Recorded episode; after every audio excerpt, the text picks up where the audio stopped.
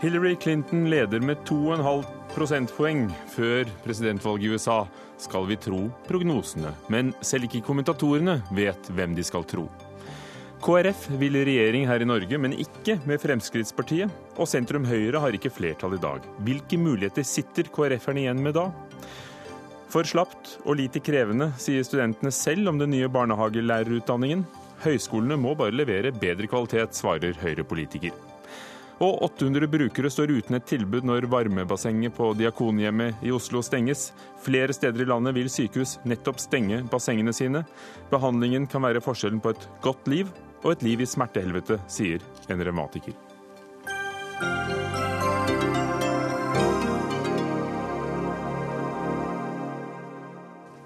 Velkommen til Dagsnytt 18 med Ugo Fermariello i studio i dag. I morgen skjer det.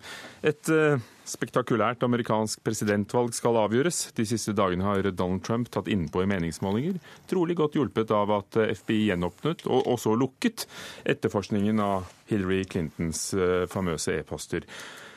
Men hvor jevnt er det egentlig? Nettstedet Huffington Post mener at Hillary Clinton har 98,1% sjanse for å vinne, men prognoseguruen Nate Silver sier 66% The New York Times sier 84% til Hillary. Snittet i nasjonale målinger fra Real Clear Politics leder eh, Clinton med 2,5 prosentpoeng. Anders Tvegård, vår USA-korrespondent, hvordan ligger det an? Ja, ja. Clinton hun har jo uh, ligget stabil på målingene de siste ukene. Trump han har spist opp hennes store uh, forsprang, men, men, Clinton ser ut til å fortsatt ha best uh, vinnersjanser. det er avgitt rekordmange forhåndsstemmer. det kan tyde på en entusiasme. det kan tyde på en god bakkeoperasjon. Latinos f.eks. har møtt opp i store tall, men spørsmålet er jo bare hva de har stemt. fordi den siste halvannen uka har jo vært preget av overskrifter om at Clinton kan bli straffeforfulgt av det føderale politiet. Nå er den eh, ballen lagt eh, død. Eh, har det påvirket de siste tallene? Det kommer jo ingen nye målinger som fanger opp den siste utviklingen. Det som er spennende her nå, kanskje enda mer enn presidentvalget, det er valget på kongress. Demokratene mener at FBI-nyheten har skadet dem. Nå har Nate Silvers side 538 Eh, tall som tyder på at eh, demokratene likevel ikke eh, kan ta et flertall i Senatet. At republikanerne ligger best an. Og det er klart at utfallet i Kongressen det vil jo også være avgjørende for hva slags styringsmyndighet, fullmakter, den neste presidenten kommer til å få. Vi skal komme tilbake til, til denne Nate Silver. Kristin Hoff, statsviter, du sitter her med et kart farget i, i, i rødt og mørkerødt og blått og mørkeblått. Og ikke minst grått. Hvem skal vi tro på når det gjelder prognosene og presidentvalget i USA? Du, dette kartet er en eh, oversikt over antallet valgmenn, altså Electoral College eh, i USA, eh, som er satt sammen. Det er folkevalgte, men det er ulike antall valgmenn fra ulike stater som er med på å bestemme hvem som blir USAs neste president. Og Grunnen til at vi har med dette kartet og legger litt vekt på det, er at USA har det vi kaller et indirekte valg. Det er ikke sånn at man bare går og stemmer, og så får man liksom resultatet direkte. Man stemmer for det første i den staten man bor, eh, og da er det valgmenn fra den staten hvor man bor, og som også inkluderer kvinner selvfølgelig i dag, eh, som da eh, skal stemme på presidenten. Og når dette kartet, som de som ser på TV vil se, og om alle andre kan finne på en hvilken som helst nettside, viser, er at det er mange stater med mange valgmenn som, er, eh, som man ikke er sikre på om heller i, i Clinton eller Trumps favør. Og Derfor er det mye å snakke om disse vippestatene som er mange valgmenn som kan være med på å avgjøre. Hvordan reiser, regner de ut f.eks. da The Upshot, som den i New York Times eh, heter, vinnerprosentsjansen? Ja, det er, eh, det er jo ikke, det er ikke så enkelt, holdt jeg på å si. Det er eh, ikke bare å, å, gjøre en meningsmåling eh, over hele landet og se hvor mange sier at de vil stemme på den ene eller den andre. Man må gjøre målinger basert på hvilken stat velgeren hører til i. Og så må man også ta med dette med at det er valgmenn. ikke sant? I en folkerik stat som Florida f.eks. er det 29 valgmenn. Sånn at hvis man vinner i Florida og får alle de 29, så er det mye viktigere eh, enn å vinne i, på Hawaii, f.eks. en annen hyggelig stat for oss nordmenn å, reise til, som bare har fire. Eh, det er veldig viktig. Og så eh, ser man da tilbake og ser hvordan stemte man sist. Eh, hva stemte man ved forrige valg, hva stemte man ved valget før der? Det gjør jo denne målingen som, som, dere nå viser til. Går tilbake til 2004 og ser på hvordan stemte de ulike gruppene ved de foregående valgene også. Så det er veldig mange valg eh, de som lager disse målingene, gjør for oss for å lage de estimatene. De ser på historiske valg, de ser på ulike velgergrupper. De deler helt ned på, som det var snakk om her, latino vote, Jewish vote, eh, andre minorities, kvinner, menn, utdanning, ikke. ikke sant? Veldig mange sånne elementer som man gjør valg og setter sammen estimatene på bakgrunn av. Og det forklarer hvordan da uh, denne Nate Silver kommer til at uh, det er 66 eh, sjanse for at Hillary Clinton vinner, mens eh, Huffington Post sier 98,1? Ja, de har, eh, de har, ulike modeller, men nå er vi jo to i studio. Ja, så og det, den, den tredje mann med her er Emil Aas Stoltenberg, stipendiat i statistikk ved Universitetet i Oslo. Du spådde blå valgseier i 2013 her i Norge ved hjelp av tall. Hva sier de amerikanske tallene deg denne gangen? Vel, som i 2013, da jeg prøvde å herme etter Nate Silver og gjøre noe Silver-aktig her i Norge, så stoler jeg på Silver denne gangen òg. Og han har forklart eh, ganske godt, syns jeg, hvorfor han kommer til en litt lavere vinnersannsynlighet for eh, Clinton enn disse andre nettstedene og avisene du nevner. Kan du gjøre det begripelig for oss? Ja, så jeg kan prøve. Altså, for det første så er det jo slik at Silver han prøver å bygge seg en liten eh, maskin som eh, spytter ut eh, sannsynligheter, som er hans prediksjoner. Og den, den maskinen består av eh, forskjellige deler. Og de delene det er jo parameterne i modellen. Så liksom Den statistiske modellen er på en liten maskin som dytter ut disse pene, eller sannsynlighetene, for Trumps seier og for, eller for Clintons seier. Eh, så på bakgrunn av data eh, tilbake til valget i 1972, det er vel tolv valg, så har da uh, Silver det vi kaller statistikken, estimert eller anslått disse parameterne i modellen sin. Så inn der så går det jo meningsmålinger på delstatsnivå. Det går nasjonale meningsmålinger som han har data på meningsmålinger gjennomført tilbake til valget i 72. Det går jo økonomiske, demografiske data inn der. Og så har han jo, da Og der ligger det jo mange valg i hva han tar med. Som... Det ligger veldig mange valg, og i tillegg så tror jeg han gjør flere valg. For jeg tror også at Nate Silver tar med altså Nate Silver har jo fulgt tett med på amerikansk politikk nå i lengre tid, så han har sannsynligvis ganske peiling på amerikansk politikk. Og det tror jeg også han tar med inn i modellen sin, altså hva han tror om amerikansk politikk. Så det er jo en type data som han sitter på, at han følger med. Men dette er jo grenseland for hva dere tallknusere skal drive med, tenker jeg, i forhold til hvilke valg som tas. Altså, der er det jo også andre, andre, ferdigheter som teller med? Ja, men eh, altså, du kan si eh, Når man prøver å predikere noe, gjette på noe i fremtiden, så er det ikke så veldig viktig hvordan man kommer til sin gjetning. Altså, det finnes jo en fasit, den ligger frem i tid. Hvis man da treffer en gang på gang, så er det jo grunn til å stole på en. Altså Hvordan man eh, kommer frem til det, er ikke like viktig. Men det viser seg jo altså at eh, det hjelper å bruke data for å gjette på fremtiden. Men det er jo på en måte den kombinasjonen mellom å ha peiling og stole på sine modeller og bruke data som eh, gjør at sånn som Siljer kan gjøre det her bra, da. Og er han god? Ja, Han var, har jo vært god eh, tidligere, men han er ikke eksepsjonell. Det finnes mange eh, som har gjort det like godt som eh, Silver tidligere. De er bare ikke like gode til å blogge og har ikke en avtale med The New York Times. Men vi kan jo legge til at dette er, altså han er jo blitt, Nate Silver er jo blitt eh, verdenskjent eh, av dette. Eh, men elementer av den måten å jobbe på, det, det gjør man jo i Norge også, når man lager vanlige meningsmålinger. Eh, når meningsmålingsinstituttene i Norge ringer rundt og spør hva vil du stemme på dersom det var stortingsvalg i morgen, og folk svarer, så går det svaret inn i en modell hvor man f.eks. vekter mot forrige stortingsvalg eller forrige kommunevalg. Der kan man velge. Hvis det er stortingsvalg i morgen, så er det korte tid siden det var kommunevalg. Ergo kanskje man burde vekte mot det. Eller stortingsvalget, som er likere i politisk sak. Kanskje man skal vekte mot det. Eh, og også dette med at hvis et parti har gjort det spesielt bra et valg, så kan man legge inn en liten algoritme som på en måte demper eller forsterker eh, det i neste måling. Det gjør man også i Norge. Anders Tvegård, hvordan eh, kommenteres eh, de forskjellige tallene i USA? Nei, det, dette, er jo, dette er jo Hver TV-kanal, fjernsynskanal, har jo sine egne målinger. Eh, noe som har blitt referert til de siste dagene, har f.eks. vært ABC og Washington Post, eh, fordi der har eh, Trump tidvis Han har kommet foran Clinton. Problemet med f.eks. den målingen er at det er mer en det er en referansegruppe som blir spurt, og mange som de har fulgt gjennom hele valgkampen, som det forteller mer om en, en, en tendens enn en vitenskapelig gjennomføring gjennomført eh, måling. Mange av eh, meningsmålingene her utføres også fortsatt på fastlinjetelefon, og da fanger man jo ikke opp eh, mange yngre velgere, f.eks.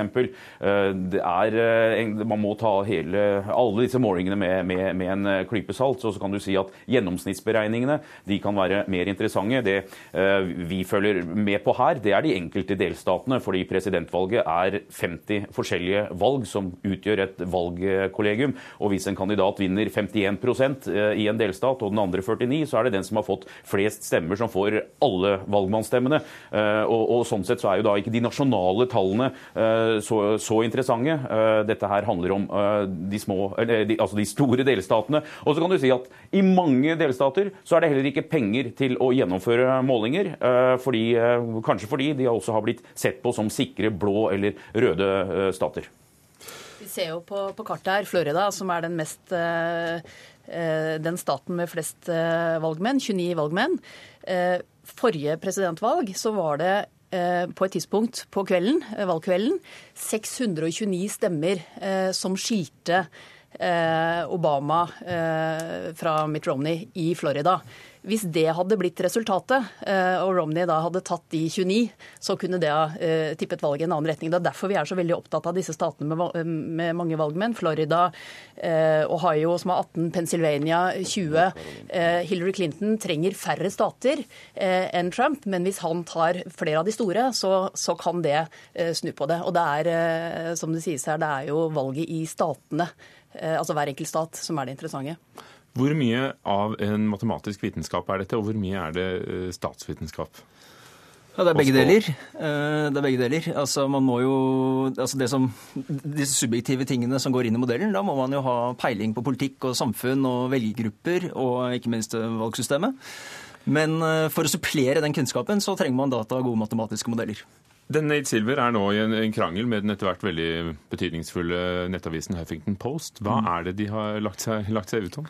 De har lagt seg ut om at uh, Huffington Post og mange av de andre stedene har en mye høyere sannsynlighet for, uh, for Trump-seier enn det uh, Nei, altså omvendt. For, Clinton-seier. Enn det, enn det, Nate Silver har. Og Nate Silver har en veldig fin artikkel hvor han gjennomgår hvorfor han har ikke er like skråsikker på Clinton-seier som eh, de andre. Og Noen viktige elementer der er jo dette valget vi har snakket om, at eh, han bruker meningsmålinger og data tilbake til 72. Og han viser i den artikkelen at hvis han hadde brukt data kun tilbake til 2000, så hadde han en mye høyere sannsynlighet for Clinton-seier enn det han har i sin modell nå. Så det viser jo hvordan da det valget spiller veldig inn. Og så er det... Som er opplagt. ikke sant? Obama vant og er veldig populær. Så det er jo på en måte lett å forklare. Ja, det, ikke sant? det kan sikkert forklare sånn. Så en annen, en annen, veldig viktig ting er hvordan eh, altså denne klypen salt som, Tvegård snakket om. altså Størrelsen på den. Og fordi Selv om det er dårlige meningsmålinger, så er det jo informasjon i de meningsmålingene. Eh, og slik er det jo informasjon i alle meningsmålingene som gjennomføres på delstatsnivå. Men de korrelerer. Og det gjør at det er ikke, liksom, det er ikke så mye informasjon i to. Det er litt under det er litt mindre det er litt informasjon igjen. Ja, det er litt mer enn én, fordi ja. de korrelerer. Så da er det veldig viktig hvor mye korrelerer de. Og Netzschelby Netsilver viser at hvis han antar at de er ukorrelerte, så får han en mye høyere sannsynlighet for Clinton-seier enn det han får i sin modell, der han har en modell der eh, meningsmåling på delstatsnivå er korrelerte. Så dette er, det er fullt av Og Når de korrelerer, hva, hva, innebærer det i praksis? da? Ja, det, innebærer at, det innebærer at hvis du har da en meningsmåling fra New York, så kan du bruke den til å gjette på en meningsmåling i Pennsylvania. Det er mm. informasjon i meningsmålingen fra New York og meningsmålingen fra Pennsylvania omvendt. Dette gjør vi jo eh, systematisk som en hovedregel når vi lager meningsmålinger i Norge. Eh, når NRK og andre publiserer og lager meningsmålinger, så sier man at Arbeiderpartiet går så og så mye fram og Høyre så og så mye tilbake. Det er basert på et landsrepresentativt utvalg. Og da antar man at endringen for hvert enkelt parti er akkurat like stor i alle fylker, selv om vi har valg i eh, alle fylker i eh, i hvorfor er denne formen for kvalifisert gjetning blitt så viktig? Blant annet fordi at eh, som du nevner, det er vanskeligere å få tak i folk i målinger. Og tilfanget, altså datatilfanget er eh, større og enklere. Ikke sant? Det, er, er lettere å gjøre meningsmålinger. Det koster nesten ingenting. Du kan gjøre webmålinger. Hvem som helst kan gjøre det. Eh, og I tillegg så er det jo veldig mye annen informasjon, altså annen data, som er blitt prosessert til å bli data, og som igjen kan bli til innsikt når man setter det sammen i en modell og bruker det på en god måte. Blant annet så kan man legge inn tall for økonomisk vekst, arbeidsløshet er med på å forklare veldig mye av amerikanske valg. og Det var vel så vidt jeg husker det du prøvde å gjøre, eh, eller gjorde ved forrige norske valg også. Og Så funker det jo. Ja, Det funker jo. Altså, de har bevist i fortiden at de greier det. Men hvorfor f.eks. da det gjaldt eh, brexit-avstemning i England, så var det veldig mange som tok feil? Ja, og Det er jo ikke så rart, for det er ikke brexit-avstemninger så veldig ofte. Så man har jo ikke så veldig mye data. Så der var kanskje det subjektive elementet litt for stort, fordi man rett og slett ikke hadde data på lignende valg i fortid. Anders Tvegård i USA, når du hører dette, hvem tror du på? Ja, det, det, det, det, er vanskelig å si. Jeg tror eh, i stor grad dette her kommer til å handle om oppmøte. Eh, Det eh, som, jeg har møtt flere folk her som sier at de kommer til å stemme på Trump, men de tør ikke å si det. Og så er det jo mer spekulativt hvor stor den usynlige hæren til Trump kan være. Men dette her er et uvanlig valg. Nå viser jo gjennomsnittsberegningene Nate Silver f.eks. i 538, han hadde rett i eh, 2008. Han bommet bare på én delstat. I 2012-presidentvalget så fikk han samtlige korrekt, og, og han mener nå at Hillary Clinton uh, kommer til å vinne. Så dette her kommer til å, å, å bli en, eh, en spennende eh, valgnatt. Uh, altså De første valglokalene åpner om tolv timer rundt, rundt midnatt her i, her i USA. Og så er det det med kongressvalget, da. Så, så, og det er eh, også eh, en eh, kamp i de lokale delstatene. Er jo, der er jo samtlige viktige og, og, og engasjert. Og F.eks. nå så er Senatet kanskje det viktigste. Republikanerne kommer til å beholde representanthuset. Spørsmålet er jo hva slags republikanere man får inn der. Om det er mer militant Trump-republikanere eller de moderate. Og også da i, i Senatet, der er det en tredel som byttes ut. Allerede om, bare om noen uker så starter jo gjenvalget i, eller ny valgkamp for Senatet og, og Kongressen, midterm elections. Eh, Det er valg her konstant hele tida, og det er også eh, nok å gjøre for de som eh, driver med, med, med tallknusing. Eh, Og så er jo spørsmålet hvilke målinger som kommer til å slå an best i år. Og nå vet vi i hvert fall litt mer om hvordan de lages. Takk skal du ha, Anders Tvegård i Washington, Kristin Hoff, statsviter her i studio, og Emil Aas Stoltenberg, stipendiat i statistikk fra Universitetet i Oslo.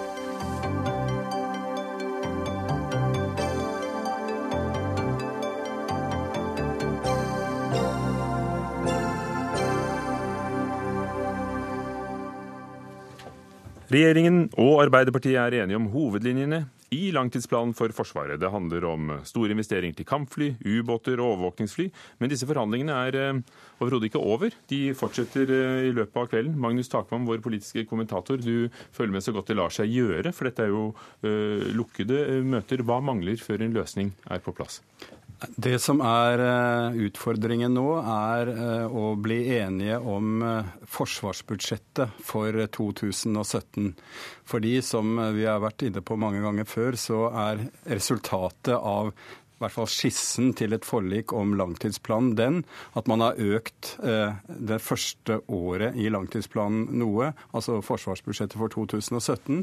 Og der er det som kjent andre partier enn Høyre, Frp og Arbeiderpartiet som skal forhandle om budsjettet. Så særlig partiet Venstre er stiller i øyeblikket krav eh, til sine eh, regjeringspartnere i Høyre og Frp om at de de kan akseptere at man øker budsjettet for neste år eh, noe, uten at Venstre har vært med på det, for så vidt. Men de vil da kreve innflytelse over budsjettet på noen punkter. Og det er, er den bøygen. Det er der man eh, drar i hver sin ende nå og forhandler utover kvelden. Og også, Det handler altså ikke så mye om pengene, men det har kokt ned til et par punkter. Og hva er det? Nei, altså, det er to hovedpunkter Venstre vil, eh, vil ha gjennom. For det første at man utsetter eh, den vedtaket om å legge ned eh, flystasjonen på Andøya og plassere det på Evenes etter hvert, når det blir aktuelt om noen år. Flertallet, altså Høyre, Frp, Arbeiderpartiet, går inn for det som var forslaget, nemlig å allerede nå si at OK, vi, vi konsentrerer oss om én flybase og legger ned Andøya. Det vil Venstre ha utsatt, eh, og for så vidt de andre sentrumspartiene også, fordi de mener det er veldig usikre tall når det gjelder kostnadene ved det.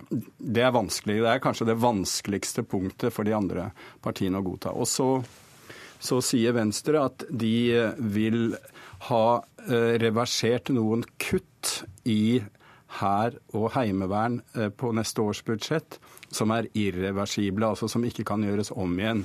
F.eks. Uh, uh, Sjøheimevernet, HV-distrikt 11 osv., som de mener de må, man, man, kan vente med i, i, til denne store studien av Hærens framtid er ferdig. Så det er altså reversere kutt på, på heimevern og hær og utsette Andøya. Det er det det handler om nå. Og hvorfor skal det være så vanskelig å, å godta for de andre? Nei, Det spørs eh, hvor om, om, Man har nærmet seg, for å si det sånn. Det var mer omfattende krav for, for eh, et par dager siden enn det vi snakker om nå. Så da håper man vel på at man når fram til en enighet. Men det er klart at det å utsette beslutningen om Andøya er veldig krevende f.eks. for, for for Arbeiderpartiet. Det er klart at det er en belastning for eh, Arbeiderpartiet å, å gjøre det. det. det. skaper konflikt. Det er, det er, eh, ikke gøy for dem i, i Nordland og i det området å få ansvaret for det. Så da vil det, hvis man utsetter det og har en skal vi si, u, u, ikke har bestemt det i valget neste år, når det pågår, så vil de få et veldig kjør i valgkampen på, på det punktet, og det er politisk veldig belastende. Så jeg tror det sitter langt inne å gå med på å utsette beslutningen om eh, Andøya. Nettopp fordi det kan være en upopulær avgjørelse. Ja, og jeg tror også med det Arbeiderpartiet da, og de andre kanskje prøver å få, de, få Venstre og sentrumspartiene med på, er en merknad om at dersom det skulle dukke opp tall og kostnader som stiller saken i et annet lys. Hvis det blir annerledes enn det ser ut nå, så, så må man ta det opp igjen. Når blir de enige det? Nei, altså De har egentlig en frist på seg til i morgen, men de kan jo alltid skyves på. Men det er ikke bra for, for regjeringen uh, særlig å la dette skure. Altså det, teoretisk så kan jo dette skal vi si, stille hele budsjettforhandlingene for neste år eh, liksom blokkere det. Så de prøver vel å få det til i løpet av kvelden og natten. Vi får se. Bare bli sittende, Magnus Takvam, for det skal fortsatt handle om politikk her i Dagsnytt 18.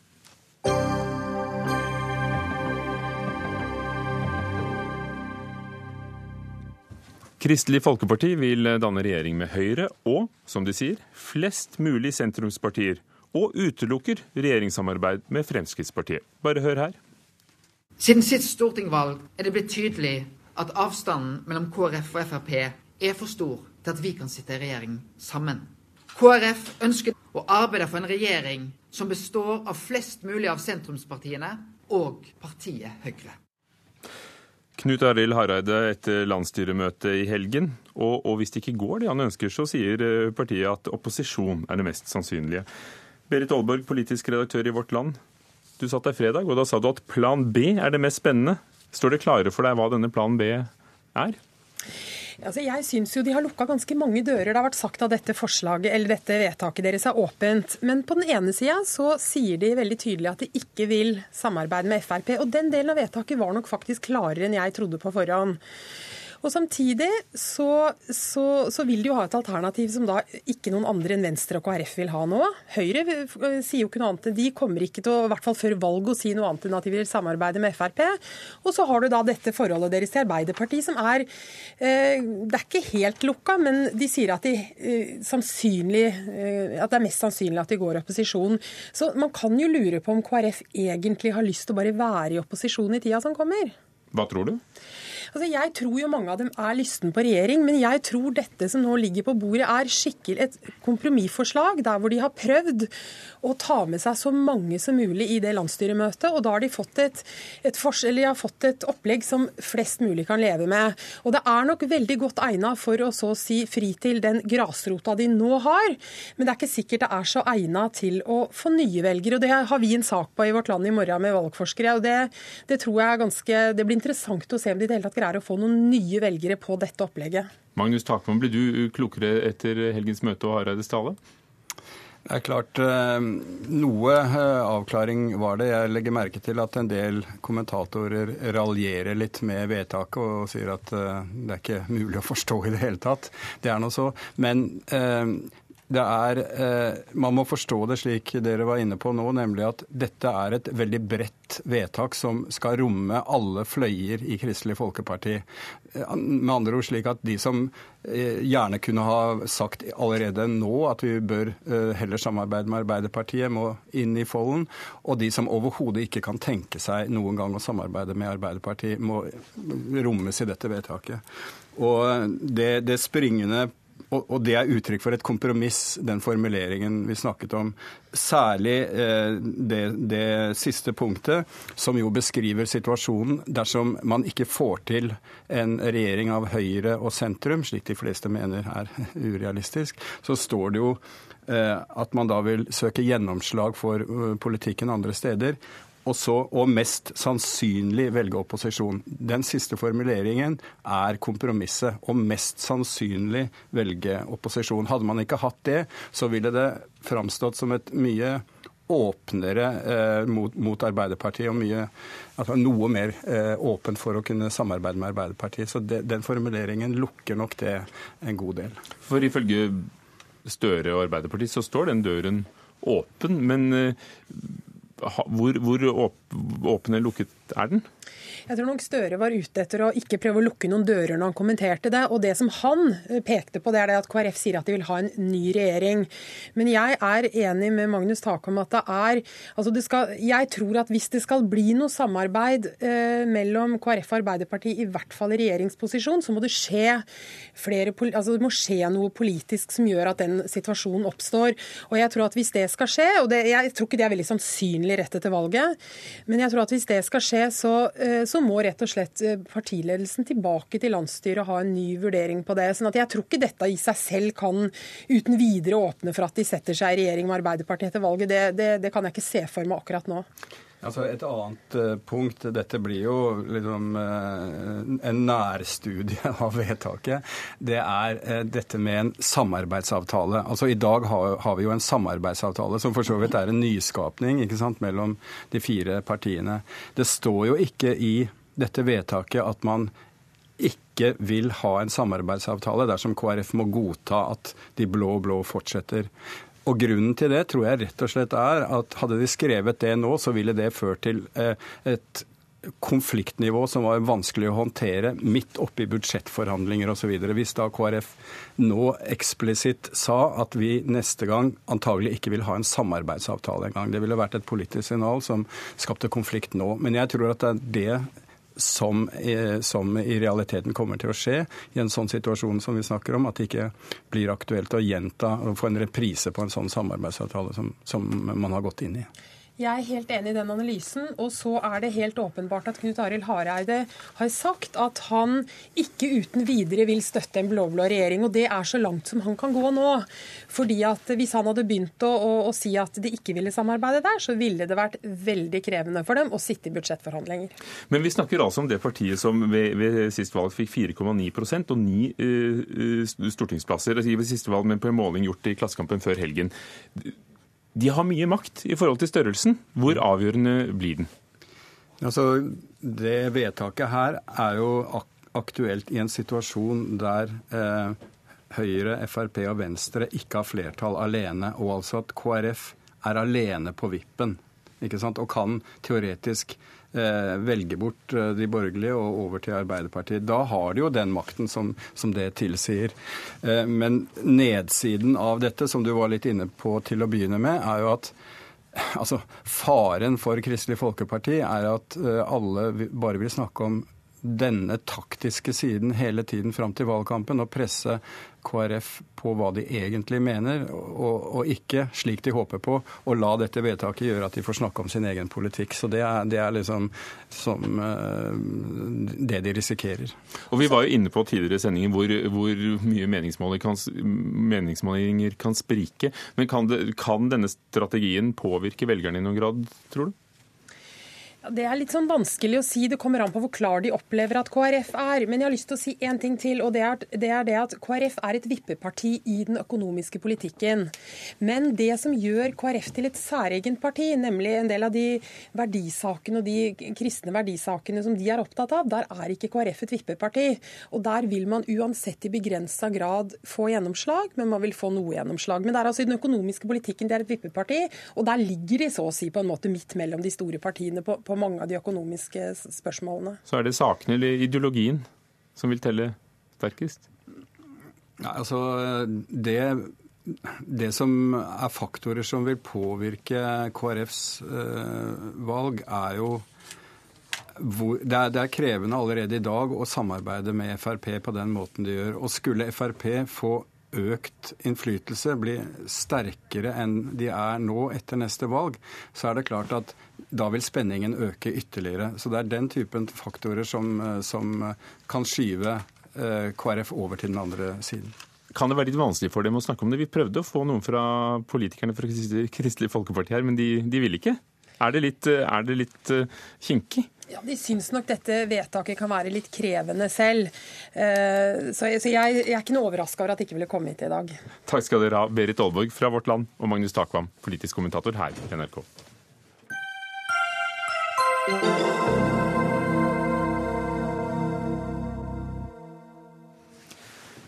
Det er altfor slapt. Bakerste rad driver med Netflix og YouTube, sier studentene selv i en ny rapport om den nye barnehagelærerutdanningen. Studentene skylder på at høyskolene ikke stiller høye nok krav til studentene som skal ta, ta vare på barn i norske barnehager i fremtiden. Rapporten er bestilt fra Kunnskapsdepartementet og ble gjengitt i Dagsavisen i dag. Silje Marie Bensen, leder for eh, landets 19 000 pedagogikkstudenter. Er du overrasket over rapporten? Nei, eh, jeg er dessverre ikke veldig overrasket. Vi har jo i flere år uttrykt en bekymring overfor barnehagelærerutdanningen eh, over at den ikke har blitt prioritert. Eh, vi vet at lavere finansiering og lavere krav til kvalitet i utdanningen gir en dårlig symboleffekt. Det er jo sånn at Finansieringen henger sammen med kvalitet, og det er alvorlig at Eh, regjeringen rangerer barnehagelærerutdanningen lavere enn de andre lærerutdanningene. Men, men, hva er det studentene sier er problemet? Fordi man kan jo selv la være å se på, på PC-en i timene eller følge med? Det kan man. Man skal selvfølgelig ta et stort ansvar selv som, eh, som student. Eh, det studentene kritiserer, da, for å si det sånn, det er organiseringen av utdanningen. Det kan omhandle kvalitet i praksis, måten man blir møtt ut i praksisfeltet, og det kan være også at fordypninger blir nedprioritert, at man har en mindre valgfrihet i utdanningen sin. Det kan også være en oppfølging av studentene. Det viser jo også rapporten at på de mindre studiestedene så er det sånn at man får naturlig nok en tettere oppfølging. Og man ser at arbeidskravene eh, ikke eh, er tydelige nok eh, Det blir ikke arbeidet godt nok med arbeidskravene. Knut Patrik Hanevik, dekan ved Fakultetet for lærerutdanningen ved Høgskolen i Oslo og Akershus. Dere er en av de institusjonene som utdanner barnehagelærere, og, og ikke fikk så gode tilbakemeldinger i denne rapporten fra studentene. Er det noe i det? At dere ikke stiller nok krav til dem? Jeg tror vi skal være klar over at vi har gjort en veldig kraftig omlegging fra å gå fra førskolelærerutdanning til barnehagelærerutdanning. Da la vi om utdanningen slik at vi gikk fra en mer fagutdanning, altså fagene var grunnlaget, til å ta utgangspunkt i rammer for barnehageutdanningen, eller for barnehagen, hvor vi da driver med kunnskapsområder. Så, så, så hva lærte de før, og lærer, hva lærer de i dag?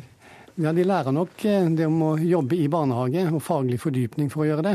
Men vi har lagt opp utdanningen i hele landet, slik at vi nå i sterkere grad knytter oss opp imot rammeplanen for barnehagene. Og den omleggingen og den måten å jobbe på koster en god del. Og vi hadde nok håpet at politikerne skulle gå inn med midler til å ta den innovasjonen og heve kategorien for barnehagelærerutdanning, på samme måte som de gjorde det knyttet når vi gikk fra allmennlærerutdanning til grunnskolelærerutdanning. Så jeg er helt enig i at vi skal skjerpe kravene overfor studentene. Men samtidig så tror jeg at vi også må få muligheten til å gjøre det på en god måte, knyttet opp imot hvordan utdanningen nå fungerer, hva utdanningen nå inneholder. Er det det som er problemet, at den nye utdanningen faktisk ville kostet mer å, å lage, men får ikke noe mer penger til det? Ja, altså det er jo klart at eh, Som Knut Patrick sier, så er det den omleggingen at man ikke har fått tid eller rom eller ressurser nok til å faktisk gjennomføre denne eh, omleggingen på en god måte. Da allmennlærerutdanningen gikk til grunnskolelærerutdanning, så eh, gikk man også opp en kategori i finansieringssystemet. og Det samme har ikke skjedd med barnehagelærerutdanningen. Og det er jo det at Barnehagen er grunnmuren i utdanningssystemet, og derfor henger det ikke på greip at ikke barnehagelærerutdanningen blir prioritert. Det er der kunnskapen skal bygges hos de minste barna, og de fortjener de beste lærerne. Og Når da barnehagelæreren ikke blir prioritert år etter år etter år, så har man et stort problem. Kent eh, Gudmundsen, stortingsrepresentant fra Høyre i utdanningskomiteen. Hvorfor vil dere ikke likestille barnehagelærerutdanningen med, med, med grunnskolelærerutdanningen? Ja, det er ikke en problemstilling som vi vil avvise. Men eh, det denne rapporten først og fremst viser, og som studentene sjøl sier, er jo at læringstrykket må opp. Og det er lærestedene sitt eh, ansvar.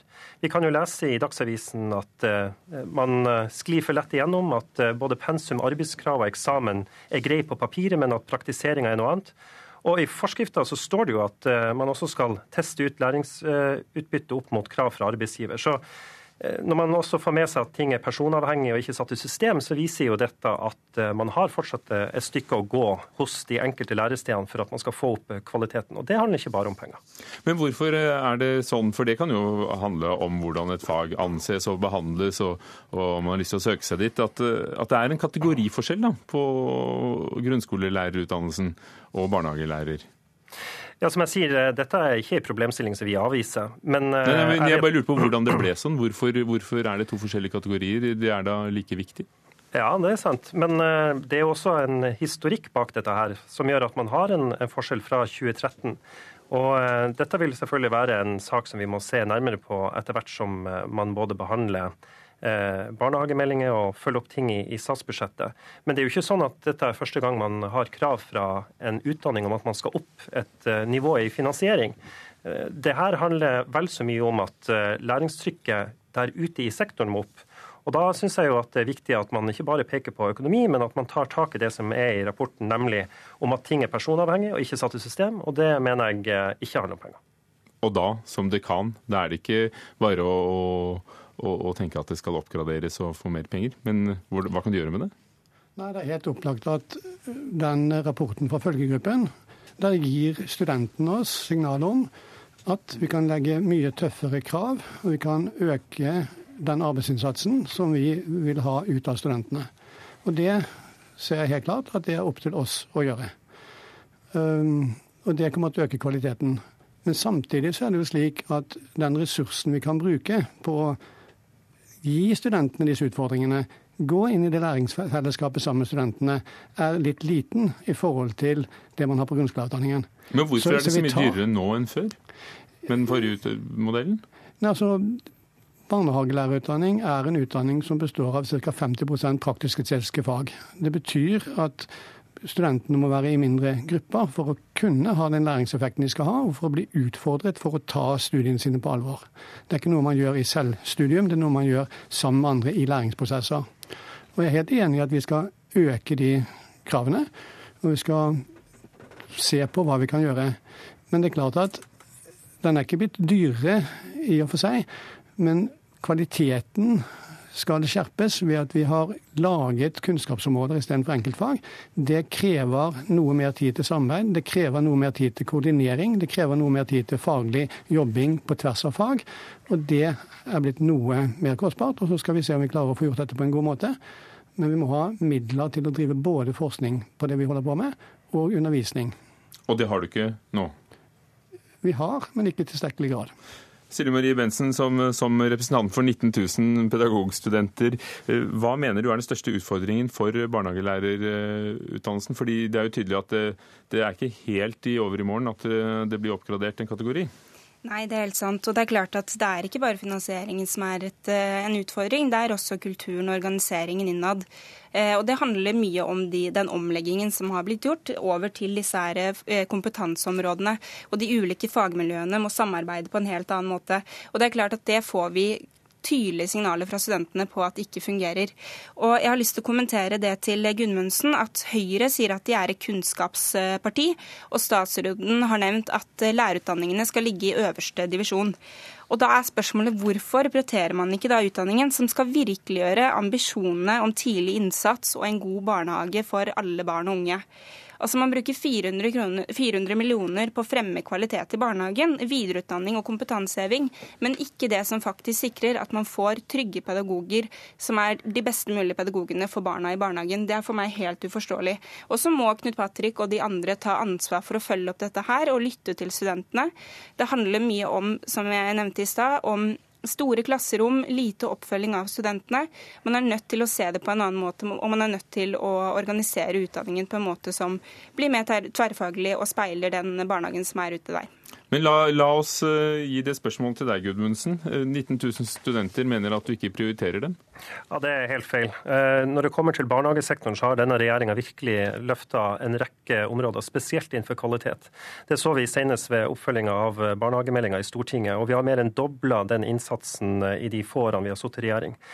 Og så syns jeg det er påfallende at veldig mange snakker om å komme opp en finansieringskategori, mens man ikke tar godt nok tak i dette som handler om samarbeid mellom lærested og praksissted, eh, om hvordan man kan være med på å stille økt krav. Eh, og Det mener jeg er første veien man er nødt til å gå. Man er nødt til å utnytte de ressursene som man har, på en bedre måte.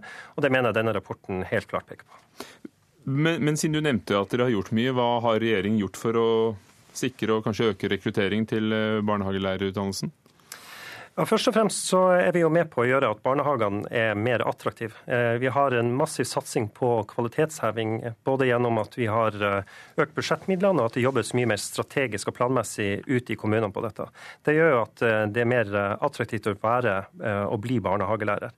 Og så mener jeg jo også at eh, den eh, reformen vi har nå gjort i universitets- og høyskolesektoren, er med på å gjøre at vi har mer robuste universitets- og høyskoler, som eh, også kan bidra til at disse utdanningene får bedre oppfølging gjennom sterkere studiesteder.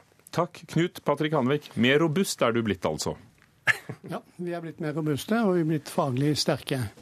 Samtidig så er vi sånn at vi ser at vi skal ha gode studenter i barnehagelærerutdanningen. Og når man hever kategori på grunnskoleutdanning og gjør grunnskoleutdanning til femårig, så er vi litt bekymra for at de som skal søke barnehagelærerutdanning, ikke vil føle seg like verdsatt. Så for meg så handler dette om hvordan rekruttere dyktige, svært dyktige studenter til barnehagelærerutdanning, som vi også trenger på grunnskolelærerutdanning. Kanskje hvis dere da tydeligvis bedrer det samarbeidet med praksissteder? Vi har tenkt å bedre samarbeidet med praksissteder, og vi har tenkt å gjøre større innsats. Men vi trenger også den støtten som ligger i å anerkjenne at barnehagelærerutdanning er en verdifull utdanning for landet. Det høres ut som du også har studentene med deg, men vi setter eh, et robust eh, strek der og sier takk til dere. Silje Marie Bensen, leder for Pedagogstudentene, Knut Patrick Hanvik, dekan ved Høgskolen i Oslo og Akershus, og Kent Gudmundsen, stortingsrepresentant for Høyre.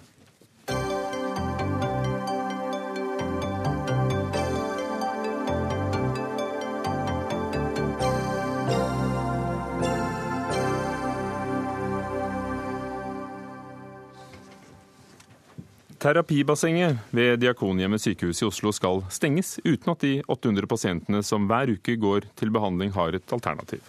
Sykehuset er eh, nasjonalt kompetansesenter for eh, revmatologisk rehabilitering. Og vi skyves bokstavelig talt ut i kulden, det sier du, Marte Rua. Du er eh, revmatiker, du har forsket på rehabilitering, og du har brukt bassenget på Diakonhjemmet som en del av behandlingen din i, i 19 år. Hva gjør det tilbudet og det bassenget med ditt liv? Når jeg går i bassenget, så får jeg eh, veiledning av fysioterapeuter som tilhører et eh, fagmiljø eh, med høy kvalitet, og som har spesialkompetanse på min diagnose. Um, og som kjenner meg, og derfor kan tilpasse de rådene som hun gir, og øvelser som jeg får i vannet, til hvordan sykdommen min svinger. Um, og det varme vannet det avlaster leddene mine, og jeg kan bevege meg og trene på en måte som er helt umulig for meg på land. Og det gjør at jeg får holdt sykdommen i sjakk ved å gå der ukentlig. Det gjør at jeg forhindrer tilstivning av ledd. Eh, jeg får redusert smerte og medikamentbruk og over tid, men også pause fra den akutte eh, smertene som kommer når jeg er i negativ spiral og, og medisinen ikke virker. Så med det så kan jeg si med hånda på hjertet at uh, uten bassenget så, så, hadde ikke jeg kunnet uh, ta høyere utdanning og nå stått i jobb og være mamma til to små barn, på tross at jeg har en alvorlig revmatisk sykdom. Så dette er et godt og høyspesialisert behandlingstilbud som Diakonhjemmet har bygget opp over mer enn 30 år, og som både pasientene og forskningen og helsevesenet er enige om at er både bra og nødvendig. Og vi snakker om dette fordi det er flere steder rundt i landet hvor det foreslås nå å, å legge ned sykehus. Førde, Bærum, flere andre steder. Men kan det erstattes av noe annet? Det er klart at eh, Oslo kommune, som eh, det nå blir pekt på i denne saken, har et ansvar for eh, rehabilitering av, og et ansvar for de revmatikerne de har i byen. Men, men et spesialisert behandlingsopplegg som, som, jeg får på dagtid i Diakonhjemmet, det syns jeg er vanskelig å se for seg at, at det skal kunne, i hvert fall på kort sikt, Eh, kunne erstattes. Og, og det fins faktisk heller ingen andre basseng i Oslo som holder 34 grader, som er den temperaturen vi trenger. Um, Nå sier helseministeren at uh, dere har fått god tid til å finne alternativer. Um, Stemmer det? Jeg syns det er friskt av helseministeren å pålegge oss pasientene å finne alternativer når det de facto ikke finnes alternativer. Eh, sykehuset har et nasjonalt ansvar, men de har også et ansvar for revmatikerne i Oslo. Og det er ikke noe sånn at vi har noe annet sted å gå. Og det bør jo ikke være sånn at det er vi som skal ordne opp i det rotet som har blitt i eh, sykehusene i Oslo, som har gjort at eh, Diakonhjemmet har fått for mange oppgaver. De sliter altså med å plassere en MR-maskin, eh, og de vil altså stenge det eneste varmtvannsbassenget som finnes. Og det de, og det kan de gjøre fordi at det, I 2010 så, så, fjernet man øremerkingen til bassenger i Norge. Jeg skulle til å spørre deg. Marte Rua, som en engasjert bruker. Mhm. Hvordan hva er ditt inntrykk av hvor, hvorfor og hvordan det ble sånn? Nei, I 2010 så, så tok man bort eh, refusjonsordningen over Helfo, som gjorde at sykehusene som hadde varmtvannsbasseng, fikk igjen pengene for bassengene. Så ble, Dette skulle forenkle finansieringen av sykehusene, og man la da pengene i den store potten i basisbevilgningen. Samtidig så oppdaget man jo på Stortinget at dette kunne medføre at bassengene ville havne under press. Og Derfor så ble det pålagt gjennom oppdragsbrevene til helseforetakene at bassengene skulle beskyttes.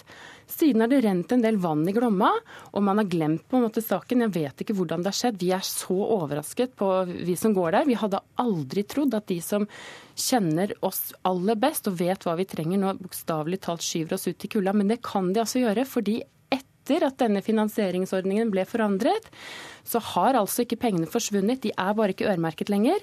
Men de er altså nå, eh, kan bruke nå Samhandlingsreformen og skyve dette ansvaret over på Oslo kommune, som ikke kan ta det. Og Derfor har vi... gått til Bent Høie, og han har altså da svart oss, syns jeg, med et alvor som eh, Eller med en mangel på alvor som, eh, som, vi, som denne situasjonen krever. Og vil altså da med øynene åpne påføre oss en sykdomsbyrde som han ikke selv må bære, eller forhåpentligvis, håper jeg for hans del, folk han er glad i. Marte Rua, du skal sitte og høre på politikerne debattere, og så snakkes vi etterpå. Vi har også vært i kontakt med Revmatikerforbundet, som jo mener det, akkurat det du sa her. Anders Moe Frafjord, direktør ved Diakonhjemmet sykehus. Um, er varmebassenget et viktig tilbud til pasientene? Ja, Aller først må jeg si at jeg er veldig glad for at uh, Marte får og har fått et godt tilbud hos oss. Og så er det jo veldig leit at det har blitt som det har blitt. For Men da dere mistet øremerkefinansieringen, Mistet dere også oppgavene? Eh, eh, ja, fordi at i 2010 så Altså dette er en del av Samhandlingsreformen. At eh, opptrening, rehabilitering skal være et kommunalt ansvar. Så har vi sett, og vi har jo også sett at pasientene har hatt veldig nytte av det. Så vi har opprettholdt denne bassengtreningen. For det er ikke inneliggende pasienter, dette er brukere fra Oslo og Akershus som primært som bruker dette bassenget. Så vi har jo opp, valgt å opprettholde dette tilbudet. Så kom vi i den situasjonen nå i, i, rett før sommeren at bassenget eh, var i behov av en eh, avgjørende eh, oppgradering. Vi må altså stenge i over åtte måneder. I tillegg til at vi Men, har meg, jeg stopper et øyeblikk. Altså, det er flere grunner. Plassproblemer, bassenget må oppgraderes. Men er det så soleklart at dere har mistet ansvaret for alle pasientene som bruker det bassenget? Bassengtrening i seg selv er helt solklart. Skal ikke være et sykehusansvar.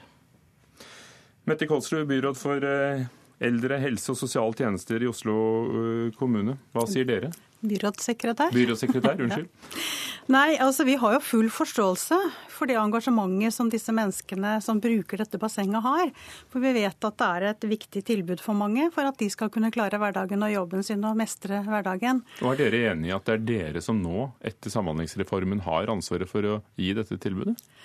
Nei, det er vel sånn at dette her er vel et litt uavklart ansvar. Eh, rehabilitering er eh, Noe rehabilitering er på spesialisthelsetjenestenivå, eh, og noe er på kommunalt nivå. Avhengig av liksom hvor avansert og spesialisert det er. Så det her er nok eh, både og når det gjelder rehabilitering. Men hvis det er både og, så er det jo nå gått eh, flere år siden Samhandlingsreformen. Hva har kommunen gjort for å bygge opp et eh, tilbud i påvente av at da Diakonhjemmet som har stått for det, kanskje vil avvikle det?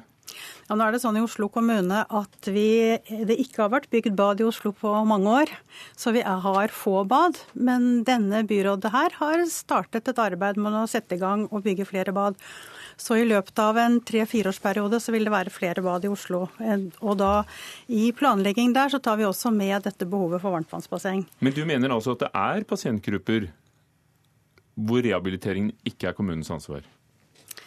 Ja, det kan det være i hvert fall. Eh, et spesialisert ansvar. Eh, men det er også, rehabilitering er også et kommunalt ansvar. Eh, absolutt.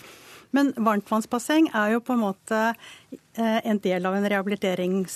Det er mange ting i rehabilitering, og varmtvannsbasseng kan for noen være veldig viktig. Og Derfor så har vi nå prøver å møtekomme de brukerne som, som opplever at de mister et viktig tilbud, og vi prøver å være imøtekommende for å finne løsning for dem. På kort sikt og på lang sikt. Har dere snakket sammen, dere i Diakonhjemmet og kommunen? Absolutt. Det er jeg... Nå heldigvis har vi vært tidlig ute, så vi skal jo ikke stenge bassenget før uh, ute, altså i påsketider. Så, er det tidlig ute når dere har snakket om å bygge et nytt anlegg? Når vi fant ut at vi uansett måtte stenge dette eh, i åtte måneder, så eh, gjorde vi det så tidlig som vi overhodet kunne. Og vi har jo nå kartlagt hvilken kapasitet som finnes i Oslo og Akershus. Og det finnes, altså ni, finnes faktisk ni basseng i Oslo og Akershus med 34 grader og 15 basseng mellom 30 og 33 grader. Så det finnes et tilbud, men det må koordineres ordentlig. Karin Andersen, stortingsrepresentant fra SV. Ingen er i tvil om at dette er en god ting. Hvorfor sitter vi her? Og, og som sagt, det gjelder ikke bare Oslo. Nei, det lurer jeg på. Eh, og det som er viktig nå, er at helseministeren burde ha gripet inn og sørga for at dette tilbudet ikke forsvinner før det er etablert nye tilbud som kunne erstatte det. Det ene er at det er uavklart om det er deler av dette som er et spesialisthelsetjenesteansvar.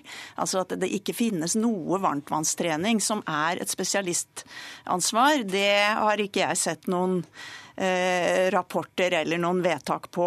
Det er det ene. Men det andre er her har altså helseministerens parti har interpellert om dette i Stortinget før. Eh, de har vært veldig tydelige på nettopp kravet om at det ikke skal stenges bassenger før alternativene er på plass. Og de har styrt Oslo kommune i 18 år før, og det er altså ikke tatt noen initiativ der til å få på plass dette bassenget, som da i så fall burde vært der. Og da burde helseministeren nå finne en løsning, sånn at man, altså ikke pasientene nå detter mellom alle stoler. Fordi dette er jo pasienter som kommer til å bli dårligere. Ikke, de kommer til å få slite med å klare hverdagen sin, de kommer til å slite med å kunne gå på jobben sin. Og dette er når da helseministeren samtidig sier at det er pasientens helsevesen, så er det litt vanskelig vanskelig å skjønne at det er det. Så det er ikke klart for deg at det er kommunene som har alt ansvaret? Ikke alt ansvaret, det mener jeg er helt uavklart. Og jeg har spurt helseministeren om det, men han har, helt, han har unngått å svare på det spørsmålet mitt. Når det er et nasjonalt kompetansesenter her, er det ingenting av dette som er deler av spesialisthelsetjenesten, sånn som representanten for brukerne her nettopp sa. At dette er et spesialisert tilbud der man får oppfølging av eh, kompetente mennesker som kan dette på spesialistnivå, og sier at det er en del av den behandlingen hun får. Vi har også prøvd å spørre helseministeren eh, og vært i kontakt med departementet om denne saken, og de har vist til at dette da er et kommunalt ansvar, eh, og at derfor vil ikke statsråden stille. Men Sveinung Stensland, du er stortingsrepresentant fra det samme partiet, Høyre. Hvem har ansvaret for at revmatikere får et tilbud om behandling? Det er, av, det er, en del av, det kommunale rehabiliteringstilbudet. Det, det mener jeg. Jeg har sjøl kjefta på helseministeren i denne saken her. Men det er for seks år siden. Da var jeg kommunepolitiker i Haugesund, og i min eh, hjemkommune så mista, mista Revmatismesykehuset dette tilbudet. Og da fikk vi ettertrykkelig beskjed om fra departementet at det ikke kom på tale med noe statlig intervensjon for å beholde tilbudet. Dette fikk kommunen ta ansvar for. Så dette er egentlig en sak der det viktigste er at Diakonhjemmet har tatt på seg et ansvar, hatt store utgifter til dette i mange år. Så vi bør takke Diakonhjemmet systemet for nettopp det. Så når det gjelder... For, for Revmatikerforbundet mener f.eks. at det er ikke så soleklart at et nasjonalt kompetansesenter ja, har mistet jeg, den delen stiller, for, eh, i spesialhelsetjenesten. Ja, jeg stiller meg bak vurderingene fra departementet i den saken der. Når det da gjelder Oslo kommune, så opplever jeg jo som byrådssekretæren her sier at det er vilje til å finne løsninger. Og det er vilje politisk og tverrpolitisk. Jeg vet at det har kommet initiativ fra flere partier, bl.a. har Oslo Høyre tatt til orde for å få raskt i gang terapibesang andre plasser. For det som skjer hvis Karin Andersen eh, vinner gjennom, er at Diakonhjemmet blir satt i en vanskelig situasjon. For de skal nemlig bruke disse arealene her til å bygge ut kapasiteten. Og hvis ikke de får det, så vil det gå utover andre pasientgrupper. Så denne saken her er, er litt av kilen, men den handler mest av alt av at Diakonhjemmet har stått på og stilt opp i seks år etter at denne her ordningen ble lagt om. Finnes det eksempler på kommuner som har lyktes i å denne overgangen som du jeg kan ikke ta det ut av hodet nå, men det gjør det helt sikkert. Uansett så er det sånn at i Oslo kommune, en stor kommune med over 600 000 innbyggere, så er de nødt til å finne et tilbud for rehabilitering for denne pasientgruppa. Og det ansvaret opplever jeg at Oslo kommune mener de har. Ja, altså det ene er den faglige diskusjonen om hvor dette hører hjemme hen. og Det er ikke noe tvil om at kommunene har et ansvar her. Men når eh, Høyre satt i opposisjon, så sitter jeg altså her med hva det var dere sa i Stortinget da. Og da sa dere at man ber altså regjeringen sørge for at ingen flere bassenger som brukes til rehabilitering, legges ned før et nytt alternativ er på plass. Og det er det vi også mener er riktig. Og det er det som ikke er på plass nå. Det er ingen som diskuterer om Diakonhjemmet har gjort en god jobb eller ikke. De har jo gjort det. Det er jo nettopp derfor pasientene nå er så fortvila. For de vet hvor viktig dette er for dem. Og, og problemet nå er at man har blitt satt i en klemme der helseministeren skygger unna det ansvaret han har for å kunne rydde opp i dette og finne løsninger, sånn at pasientene får et tilbud. Og Da kan det hende at man må forlenge noen avtaler. Og da gir jeg deg en replikk. Det, det, det, blir, det, blir, jo helt feil og, og, og at Stortinget skal presse helseministeren til å pålegge Diakonhjemmet å gjøre noe som vil gå utover mange andre pasienter. Men det er så, altså tvil på Stortinget om hvem som har hele ansvaret? Den instruksjonen har vært gjort, den har vært gjort før. Nå, nå sier Diakonhjemmet her at dette er jo noe som nå oppstår pga. et akutt behov for, for vedlikehold, og de har varsla så fort de kan at nå blir dette avvikla. Eh, det som er saken er at dette er et kommunalt ansvar, og Oslo kommune har sagt at de ønsker å ta det ansvaret, og det finnes muligheter, og da må vi lete etter de mulighetene som er løsning for pasientene. Og den debatten får dere da ta videre i Stortinget med den uenigheten. Og da ber jeg nettopp Marte Rua komme frem igjen. Nå har du hørt eh, politikere fra Stortinget, fra kommunen, sykehussjefen. Øyner du en løsning på konflikten? For det er jo uansett en konflikt her. Ja, det er absolutt det. Og på en måte så kan jeg jo si at det, når, når, representanten fra Høyre, som jo tidligere har virkelig argumentert for dette tilbudet, eh, selv om de jo ikke gjør det akkurat nå, så, så er det jo fint at de viser til f.eks. Haugesund. Problemet med Haugesund sykehus eh, er nettopp at der medførte hele denne rotete finansieringsordningen at pasienter i kommuner som ikke selv enten leier plass på Diakonhjemmet, som Oslo kommune har foreslått som løsning i denne saken som en midlertidig overgang, eller de som bor i kommuner som ikke har eget varmtvannsbasseng, faktisk har mistet poliklinisk behandling ved sykehusene. Og jeg må si at men, men jeg hører at det finnes da ni andre bassenger i området rundt her. Hvorfor, hvor, hvorfor finnes det ikke måter å, å benytte dem? Dette er skremmende, fordi de er proppfulle. Det er 40 000 revmatikere i Oslo. Det har vært et kjempeproblem i mange år at ikke dette fins. Og det å si at eh, Det kan for sikkert mange høres ut som en detalj i saken, dette om det skal være 30 eller 32 eller 33 eller 34 grader, men jeg vet, kjenner på kroppen når jeg går ut i 34 grader at jeg kan ikke gjøre noe annet. Og jeg må si at han som jeg har... kan ikke gjøre annet Nei. enn å si at i de 34 gradene så må vi sette punktum. Takk skal dere ha. Marte Rua, som altså selv er bruker av bassenget. Mette Kolsrud, byrådssekretær i Oslo kommune. Sveinung Stensland fra Høyre. Karin Andersen fra SV. Og Anders Moen Frafjord, direktør ved Diakonhjemmet sykehus. Det var Dagsnytt 18. Finn Lie var teknisk ansvarlig. Fredrik Lauritzen, produsent, og Ugo Fermarello, programleder. Takk for i dag.